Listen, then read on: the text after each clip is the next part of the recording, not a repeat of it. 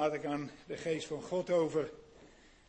Tafeltje is niet op iemand van twee meter gemaakt, maar het is goed dat ik een eh, bril met verrekijkerglazen heb.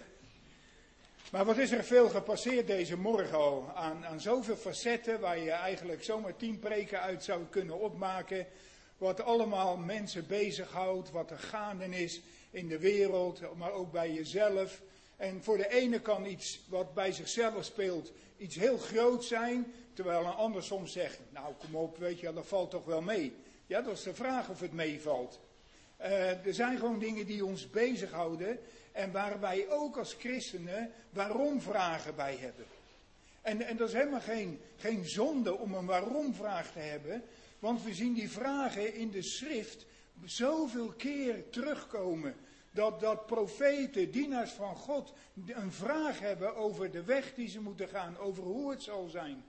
En heel vaak heeft dat te maken met dingen die gebeuren in de toenmalige wereld, of in deze wereld, of de, de vraag in hun persoonlijk leven. Vragen. En in Psalm 77 komen we ook iemand tegen die deze vragen ook heeft. En, en het gekke is in deze psalm wordt helemaal niet duidelijk gemaakt wat waren zijn omstandigheden? Wat was de aanleiding tot die vraag? Was er, was er iets vreselijks gebeurd, iets groots gebeurd? ik zat net achter iemand die zit op zijn telefoontje van alles door te kijken. En toen zag ik in een ooghoek uh, de Twin Towers in New York. En toen dacht ik, ja, als dat gebeurt, dan heb je toch een reden om een vraag te stellen. Wat is hier aan de hand? Hoe kan dit gebeuren? Zo groot, zo immens. En ik weet niet of u die torens kent, ik heb er bovenop gelopen. En, en het is indrukwekkend groot. Maar ik ben er ook geweest na de slag, na de aanslag. En dan is er niks van over. Ja, dan kan ik begrijpen dat je een hele diepe waarom-vraag hebt en dat je zelfs als christen een stuk vertrouwen verliest in God. Maar hier is het Asaf die helemaal niet aangeeft dat hij Hij geeft wel aan dat hij worstelt, maar niet de reden. En we zien ook niet dat God een oplossing geeft. Maar we zien wel dat God erin werkt. En dat is zo, zo mooi. En dat geeft ook genade en rust en geduld om als iemand met die waarom vragen zit, dat je moet vragen aan God, Heere, werk u op uw tijd, op uw wijze in zijn of in haar hart. Wilt u die waarom vragen op het juiste moment beantwoorden of misschien wel die waarom vraag omkeren in een juist beeld in wie u bent? En dat zien we hier bij Asaf. En dat vind ik ook zo bijzonder van de Bijbel. De Bijbel is voor vele mensen is dat het boek van God. En het is een heilig woord van God. En, en, en wees daar voorzichtig mee. Maar het is ook een boek over mensen. Als het alleen over God zou gaan, ja, waar, waar is onze plek dan? Maar het is een boek van God en mensen. Maar je ziet hem ook als een boek van mensen die een relatie hebben met God. En daarom vind ik het zo heerlijk om de Bijbel te lezen, omdat ik me in die geschiedenissen zo vaak herken. Met diezelfde emoties, met diezelfde strijd. Dan hoef ik niet schuldig te voelen dat ik ze heb. Ik moet gaan ontdekken, wat moet je ermee gaan doen? En het thema voor vanmorgen is, niet onder de omstandigheden, maar met God boven de omstandigheden. En let op, het woordje omstandigheden blijft staan, hè? Niet onder de omstandigheden, maar met God boven de omstandigheden. En het subthema is van Z tot Z. Normaal gaan we van A naar B. Hè, of we ratelen het hele alfabet op. We gaan van A tot Z. Maar bij Asaf is het van Z tot Z. Als u Bijbel open hebt, Psalm 77. De eerste zeven versen is de eerste Z. Het is een Z van zuchten. En daar zijn wij Nederlanders goed in hoor. Wat kan een mens hier zuchten? Na 23 jaar in het buitenland kom je terug in Nederland. zo welvarend, zo georganiseerd, een infrastructuur prachtig. Maar ja, die maken we zelf benauwd door het aantal auto's. Maar het, het is een topland. En mensen zuchten wat af. Daar was ik opnieuw weer door verbaasd. Wij zijn zuchters. En hier, Asaf, die zegt in de eerste zeven versen: Mijn stem klinkt tot God en ik roep. Mijn, klink, mijn stem klinkt tot God en hij zal mij aanhoren. Let op wat hij zegt, hè? Hij zegt niet: God zal mij horen of verhoort mij en hij zal mij aanhoren. Dat is de passie achter deze woorden. Op de dag van benauwdheid zocht ik de Heere. Mijn hand was s'nachts uitgestrekt en verslapte niet. Mijn ziel weigerde zich of weigerde getroost te worden. Dacht ik aan God, dan kermde ik. Andere vertaling zegt, dan kreunde ik, peinsde ik, dan bezweek mijn geest en u hield mijn ogen wakend of geopend. Ik was verontrust, ik sprak niet, ik overdacht de dagen van ouds, de jaren van vroegere eeuwen. Ik dacht aan mijn snarenspel, s'nachts peinsde ik in mijn hart en mijn geest onderzocht. Dat beschrijft Asaf op dat moment. Dan zou je denken, Asaf, wat is er met jou gebeurd dan? Asaf, die had, als ik het zo mag zeggen, een bediening die boven alles uittroonde. Moet u eens kijken, Asaf komt in 1 Kronieken 15, komt hij voor het eerst voor in de Bijbel. 1 Kronieken 15, prachtig hoofdstuk, waar de tempel wordt, eh, of de tabernakel wordt teruggebracht door David. En David die zegt in 1 Korinthe 15, vers 16, verder zegt David, ga ik te vlug? 1 Korinthe 15. Ik ga te vlug of u kent uw Bijbeltje niet? 1 eh, Kronieken, 1 Kronieken 15. Het is één of de twee, ik ga te vlug of... Dan moet je Bijbelboekje leren kennen. 1 Kronieken 15. Verder zei David tegen de leiders van de Levieten dat zij hun broeders, de zangers, op moesten stellen met muziekinstrumenten, met luiten, harpen en cymbalen, om luide en blijde klanken te laten horen. Toen stelde de Levieten Heman op, de zoon van Joël, en het zijn broeders Asaf. Hier hebben we Asaf, voor het eerst in de Bijbel. De zoon van Berachia. En uit de zonen van Merari hun broeders Ethan, de zoon van Kusaya. Dan wordt de ark, die wordt binnengebracht.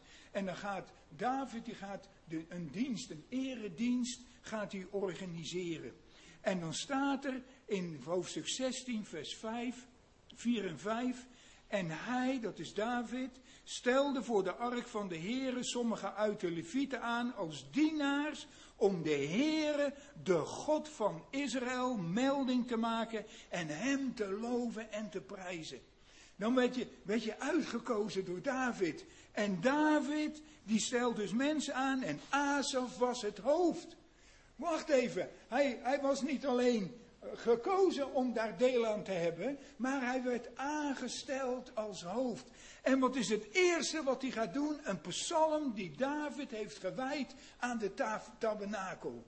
Nou, dan moet je naar, hij was de eerste, zeg maar, de worship leader. Als je hem nou zo zou noemen, dan zou hij niet snappen waar je het over hebt. Maar zo heet dat tegenwoordig. Hè? We zijn allemaal worship leaders. En, en heel veel worship leaders die hebben wel een idool waar ze best eens een keer mee zouden willen spelen of met willen optreden. En hier Asaf. Asaf mag met David samenspelen. En de, die, die psalm die hij heeft geschreven, die, die mag hij samen met David in muziek ter uiting brengen tot lof en eer van God. En later lezen we zelfs in hoofdstuk 16, vers 37, daar staat, en zo liet David daarvoor de ark van het verbond van de Heere, Asaf en zijn broeders achter, om voortdurend dienst te doen voor de ark, overeenkomstig het voorschrift voor elke dag. Asaf had een positie waarin hij de Heere dagelijks loofde prijsde, muziek schreef, ook psalmen zelf schreef, we lezen er nou een. En, en dat is Asaf. Maar je kunt een prachtige bediening hebben.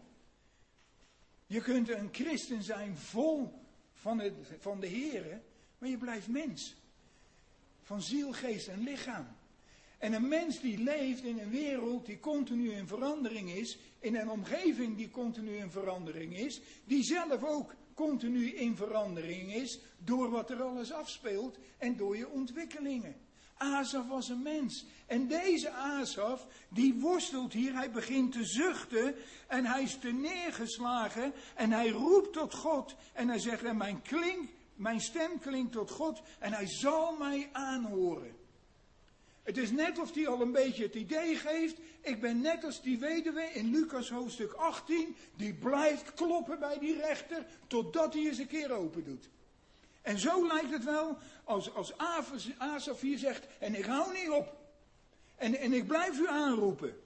En hij zegt, op die dag van die benauwdheid zocht ik de Heer.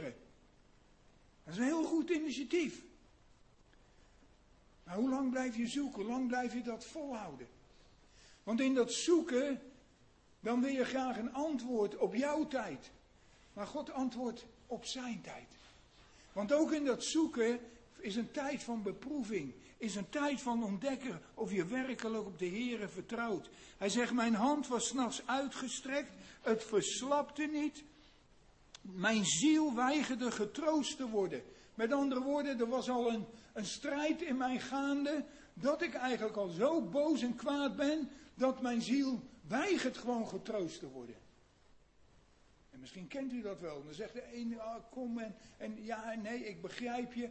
Maar, maar die, die strijd die blijft maar. Het lijkt of je ziel niet getroost wil worden. Een stukje hardheid, wat we ook in de getuigenis hebben gehad. Weiger om getroost te worden heeft ook een uiting van betekenis van hardheid in je hart. Want je wil het anders opgelost hebben. Je wil wel vertroost worden, maar op jouw manier, op jouw wijze. Maar de vertroosting van God gaat altijd dieper dan het probleem komt altijd bij jezelf uit. Dat is het prachtige van het werk van de Heilige Geest. Dan zegt hij, dacht ik aan God, dan kermde ik. Asaf, wat is er gebeurd? Jij prijst en looft de Heer. En, en, en nu zeg je zelf, als ik aan hem dacht, dan kreun ik, dan kerm ik. Waarom? Omdat zijn situatie zo anders was als hij God voor ogen had. We hebben soms een beeld van God en vooral vandaag de dag in de evangelische wereld dat Hij is de weldoener. Hij lost het wel op. Hij zorgt voor je. Hij is je vriendje. En als je bij Hem komt, ach, dan komt het allemaal weer goed. Wacht even. God is geen weldoener. Zijn daad heeft hij bewezen op dat kruis van Golgotha. Dat is het bewijs van zijn liefde, zegt de Bijbel. En zijn werkwijze moet je aan hem overlaten. En daarom hebben we ook de schrift gekregen. Om de werkwijze van God te ontdekken. En dan zie je hoe geduldig, hoe barmhartig, hoe genadevol hij is. Hij zegt, u hield mij ogen wapen, wakend. Heren, u houdt mij zelfs wakker. Hij schuift zijn schuld af. Ik was verontrust, ik sprak niet. En wat ga je dan krijgen? Moet je kijken, vers 6. Ik overdag de dagen van ouds de jaren van vroegere eeuwen. Ik dacht aan mijn snarenspel. S'nachts peinsde ik in mijn hart en mijn geest onderzocht. Aan de ene kant lijkt dat heel mooi te zijn. Ik dacht als de dagen van ouds. Ik dacht aan de tijd dat ik met David bij de ark was en dat we dat lied schreven. Ik dacht. Nou, ik weet niet of jullie dat wel eens hebben. Maar mijn vrouw en ik, die kijken dan wel eens terug en dan zeggen we, was het nog maar als toen, hè? Ken je dat? En vooral als er gebeurtenissen zijn in je leven die, die, die, die je niet kunt verklaren, maar die wel hartverscheurend zijn. En, en, en waar zoek je het dan in? Was het maar als de voor? Nou, als het, was het maar als de voor, waarom ben ik dan toen niet bij de voor gebleven? Omdat God een andere weg met ons had. Het is helemaal niet verkeerd als je terugblikt aan die geweldige tijden dat God in je leven aan het werk was. Maar je moet daar niet naar terug verlangen om de het heden en de toekomst te ontlopen. Want het wordt niet meer als vroeger. Het wordt niet meer zoals die fijne tijden. Het is zoals het is vandaag. En hoe bereid je je voor op morgen? Weet je wat Asaf hier gaat doen? Die gaat leven met een achteruitkijkspiegel. Nou, er zijn er hier een paar met de auto, of niet? Dan moet u straks eens proberen naar huis te rijden en alleen in uw achteruitkijkspiegel kijken. Maar het begint pas als je mijn auto voorbij bent, hè? Maar begin bij het hek of zo. Je komt niet ver.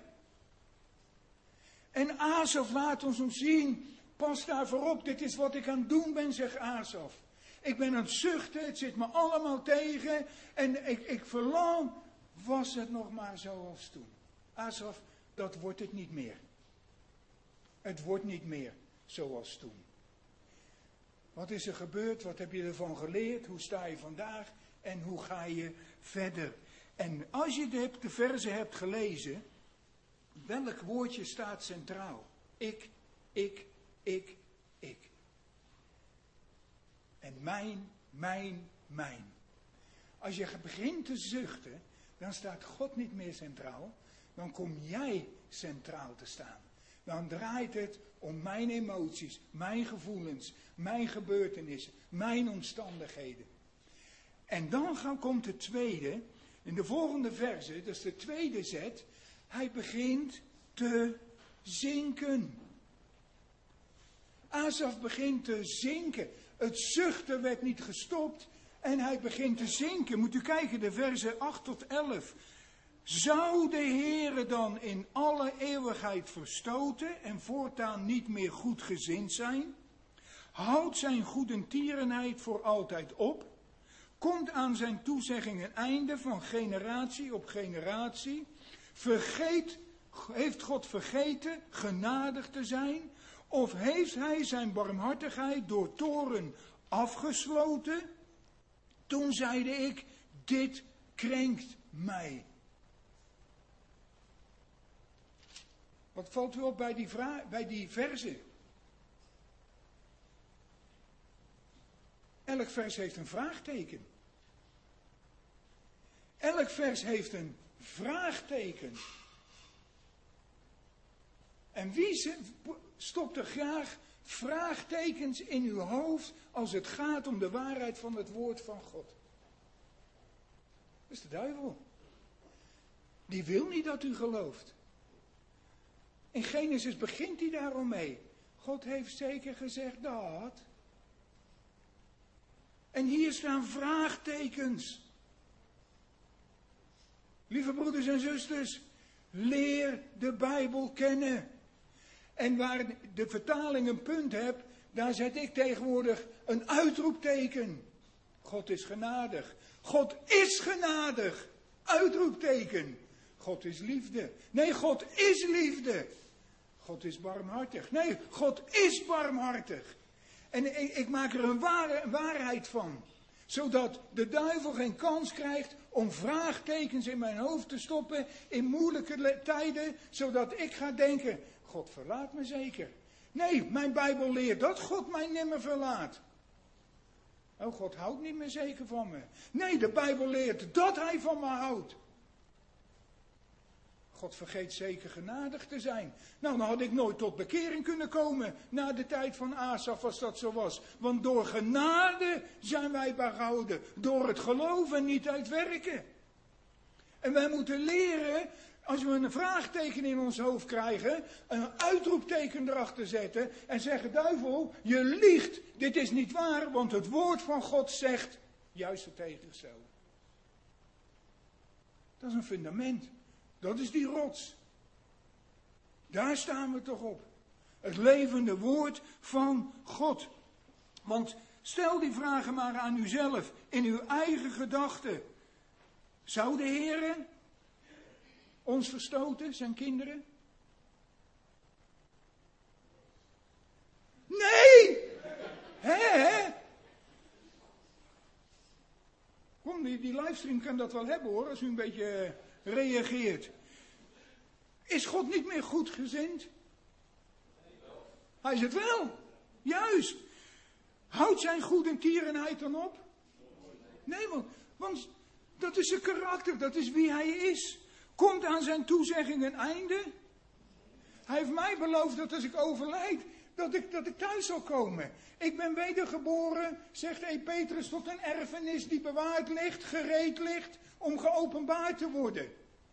Dat laat je je toch niet ontroven door omstandigheden? Dat is juist de hoop die we hebben. Dan houden we juist vast. Heeft God vergeten genadig te zijn? Lieve broeders, ik ervaar elke dag dat hij genadig is. Waarom? Omdat ik elke dag toch weer tekort schiet. Omdat ik elke dag wel zeg, Heer, ik wil zo graag een aangenaam, welriekend offer voor u zijn vandaag. En dan kom ik naar beneden en dan zegt mevrouw, je hebt een verkeerde overhemd aan. Jij weer. Dat past toch? Ze zegt dat past niet. Nou, is dat al gelijk al wel riekend naar elkaar en naar de heren en ach, wat hebben we ze genade nodig. En wat is het rijk dan te weten dat hij genadig, dat hij geduldig is en dat zijn barmhartigheid nooit stopt. Dat is een God. We hebben geen religie, we hebben een relatie met een levende God die naar ons toe komt. En dan zegt hij in vers 11, dit krenkt mij. Wat krenkt hem? Nou, nu kom je in de knoop met twee vertalingen. In de MBG-vertaling, daar staat, toen zei ik, dit krenkt mij dat de rechterhand van de Allerhoogste verandert. Dus wat doet de MBG-vertaling? Die koppelt vers 11 aan het voorgaande. In zijn gedachten, in dat wegzinken, daar heeft hij het idee dat God aan veranderen is. En de, de MBG-vertaler die zegt, en, en dat krenkt hem dat God verandert. Maar de herziende statenvertaling, die vertaalt het zo. Maar toen zei ik, dit krenkt mij, dat is Asaf. Maar de rechterhand van de Allerhoogste verandert. En ik denk dat dat het is, gezien de volgende verse. Dat te midden van die benauwdheid, te midden van die vragen, de geest van God zegt tot hier en niet verder. En de geest van God begint te werken en die begint dat zuchten en dat zinken te veranderen in de derde zet, de zet van zingen. Kijk maar wat er gebeurt. Hij zegt, ik zal de daden van de Heere gedenken. Ja, Asaf, waar komt dat nou opeens vandaan?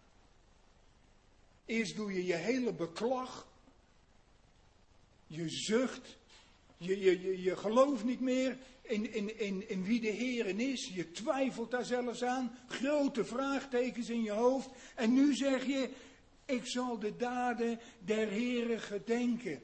Is dat dan een vrome houding, omdat David opeens in de buurt kwam? Of is dat hè, schijnheiligheid? Nee, dat is het werk van God. Ik, ik kan zo herinneren in mijn eigen leven dat wij door, door problemen en moeite heen gingen en dat we soms huilend naar bed gingen. En, en huilend in slaap vielen. En we werden wakker en tada! Een nieuwe dag. Wat heb ik in die nacht gedaan dan? Nou, wat de psalm zegt, God geeft het zijn beminde in de slaap. Dat was niet mijn werk. Dat was niet mijn kracht.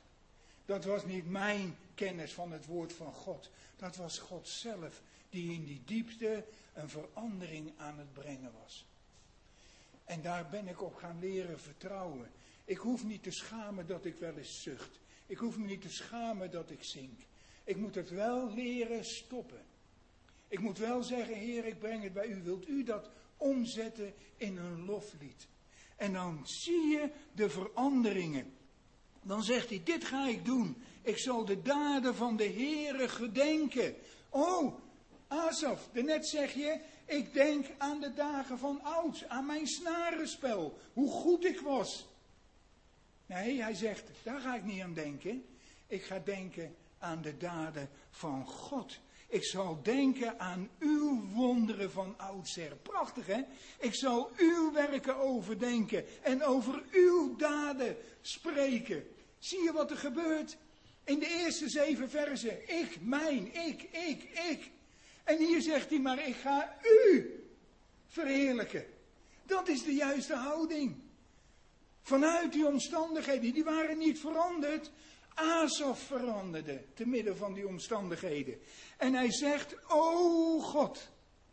En dat is als je hem gaat gedenken. Dan komt dat terug, o God. Uw weg is in het heiligdom. Wie is een God zo groot als God? Weet u er?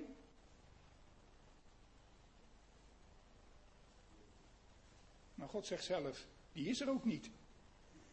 Dus hoef je niet gaan na te denken, wie zou dat kunnen zijn? Wie is een God zo groot als mijn God? Nou, stop met zoeken. God zegt, die is er niet. Er is geen God buiten mij om. En alles wat jij dan God noemt, moet eigenlijk het woordje af voor. Dat zijn afgoden. En het woordje betekent eigenlijk afblijven van die goden. Daarom heet het ook afgoden. Met een wilde hond zeg je ook af.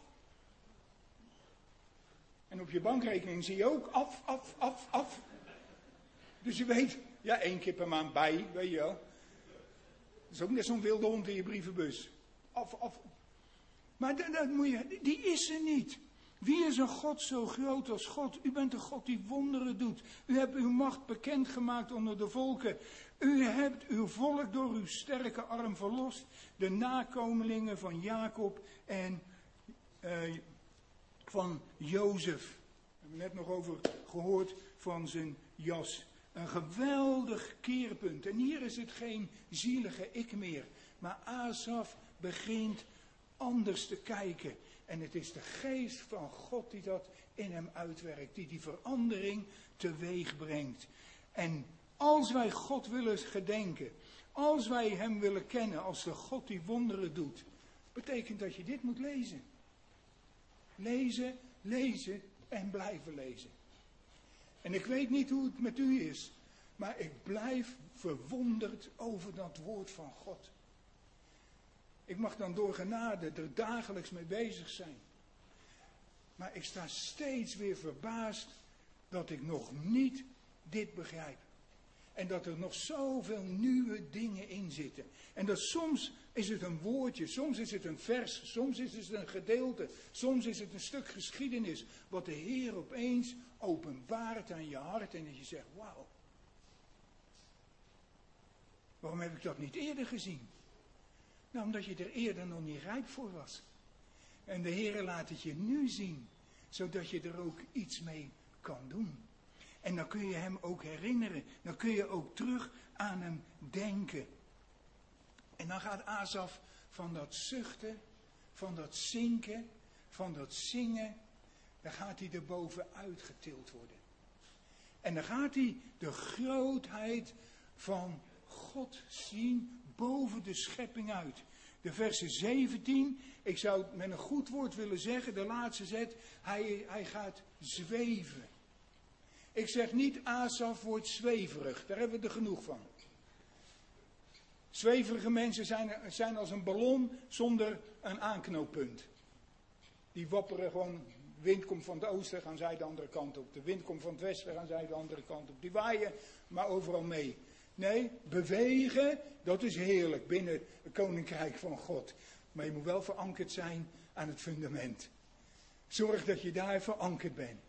Dus je wordt niet zweverig, maar hij tilt je, zoals we dat lied straks zegden, als de oceaan haar krachten toont, zweef ik met u boven de storm. Het lied wil laten zien dat God de storm niet wegneemt, maar jou onder die storm vandaan haalt en er op een andere manier naar leert kijken. En dan zegt hij hier, de wateren zagen u, o God, de wagens De wateren zagen u en zij beefden. Ook de diepe wateren sidderden. De wolken grote water uit. De hemel gaf geluid. Ook vlogen uw pijlen overal heen. Het geluid van uw donder klonk in het rond. De bliksemvlichten flitsen verlichtte de wereld, de aarde sidderde en beefde en uw weg was door de zee, uw pad door de grote wateren en uw voetstappen werden niet bekend. En dan sluit hij zijn klacht op een bijzondere manier af. U leidde uw volk als een kudde door de hand van Mozes en Aaron. Hij begint met zuchten. Door dat zuchten begint hij te zinken. En dan doet de Heer een bijzonder werk in zijn hart. Waardoor het loflied terugkomt. En hij gaat zingen. En vanuit dat zingen gaat hij als het ware boven de omstandigheden uitzweven. Want hij weet hoe groot die problemen zijn.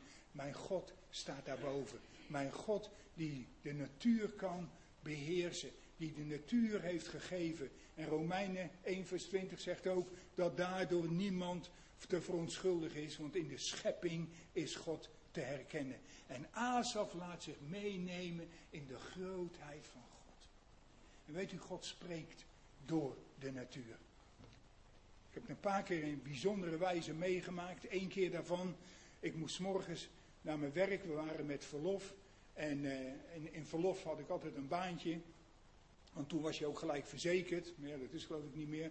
Maar ik fietste naar mijn werk, maar ik, ik, worstelde zo ergens mee. En terwijl ik op de fiets zat, was in een dijk en dan heb je zo de weilanden. En toen zeg ik, God, waar bent u? En de Heere opent mijn ogen. Ik zie de zon opkomen en ik zie de maan zakken. Allebei stonden ze daar. En het was net of de Heere zei, hier ben ik. En dat was voor mij voldoende. De natuur getuigde van zijn almacht, zijn grootheid. Nou, degene die toen langs fietsen dacht, wat is dat voor een kerel? Want die ging op zijn knieën. En ik ging aan de kant van de weg de Heere loven en prijzen dat hij zich aan mij, als het ware, geopenbaard had door zijn schepping. En dat is het prachtige wat Asaf hier meepakt. Maar hij eindigt bijzonder. Hij zegt, u leidde uw volk als een kudde door de hand van Mozes en Aaron. Hou dat vers vast in uw hoofd en ga mee naar Nummerie hoofdstuk 33. Nummerie hoofdstuk 33.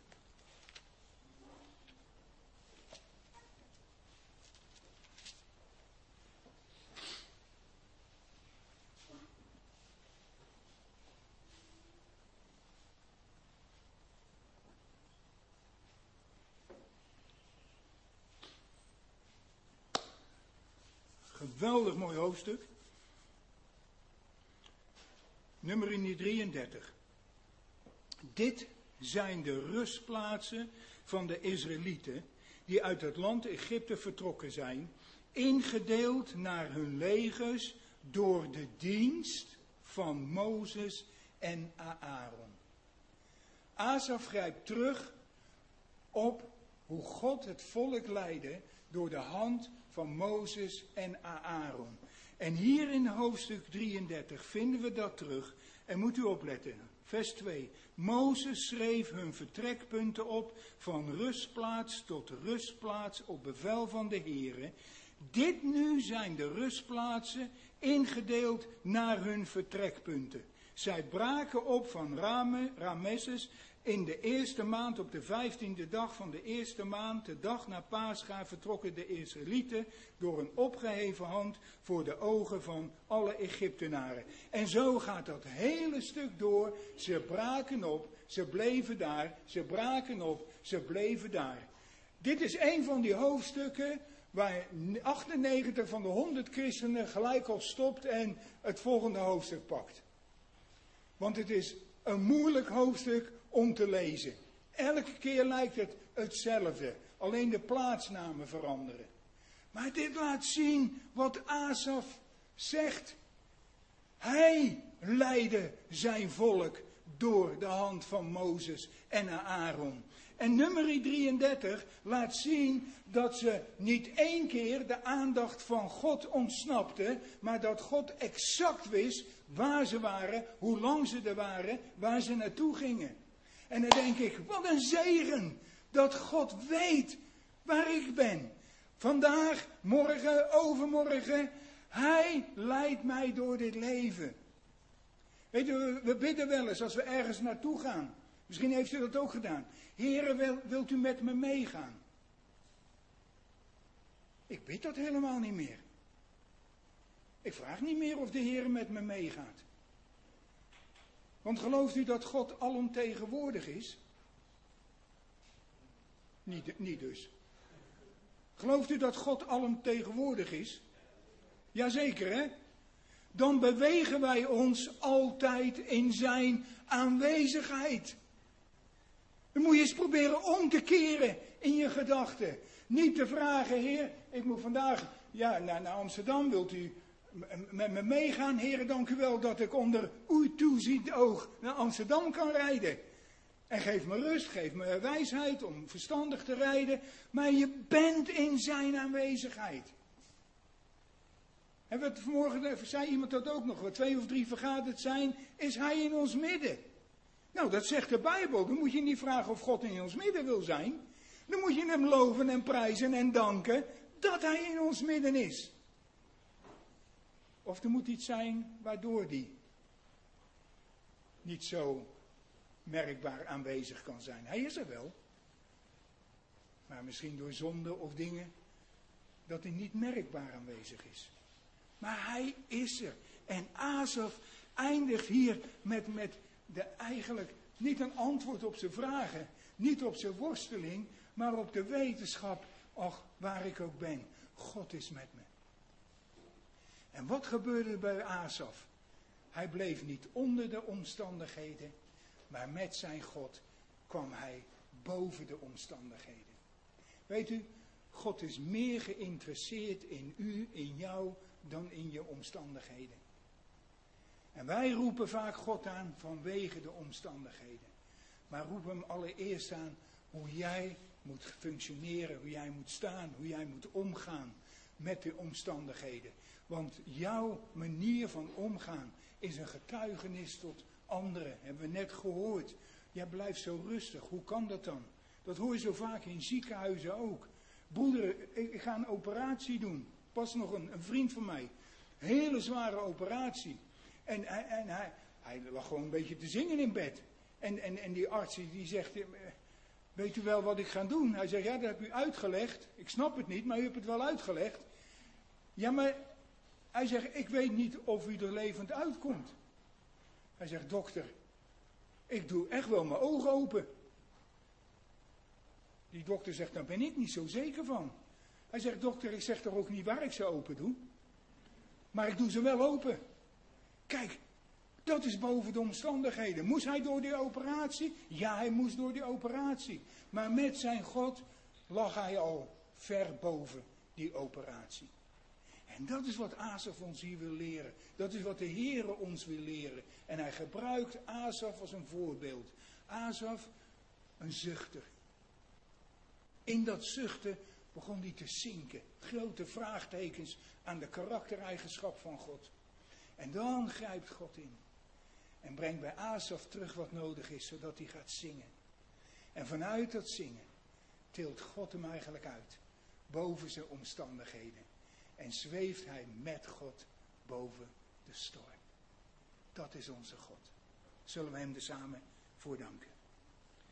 Vader, we komen u danken, heren, dat deze emoties, deze gebeurtenissen van Asaf niet weggepoetst zijn, maar dat die ons juist een voorbeeld zijn geschreven, misschien ook wel als waarschuwing, maar ook, heren, dat we daar die heilrijkende, genadige hand van u zien in een worstelend iemand.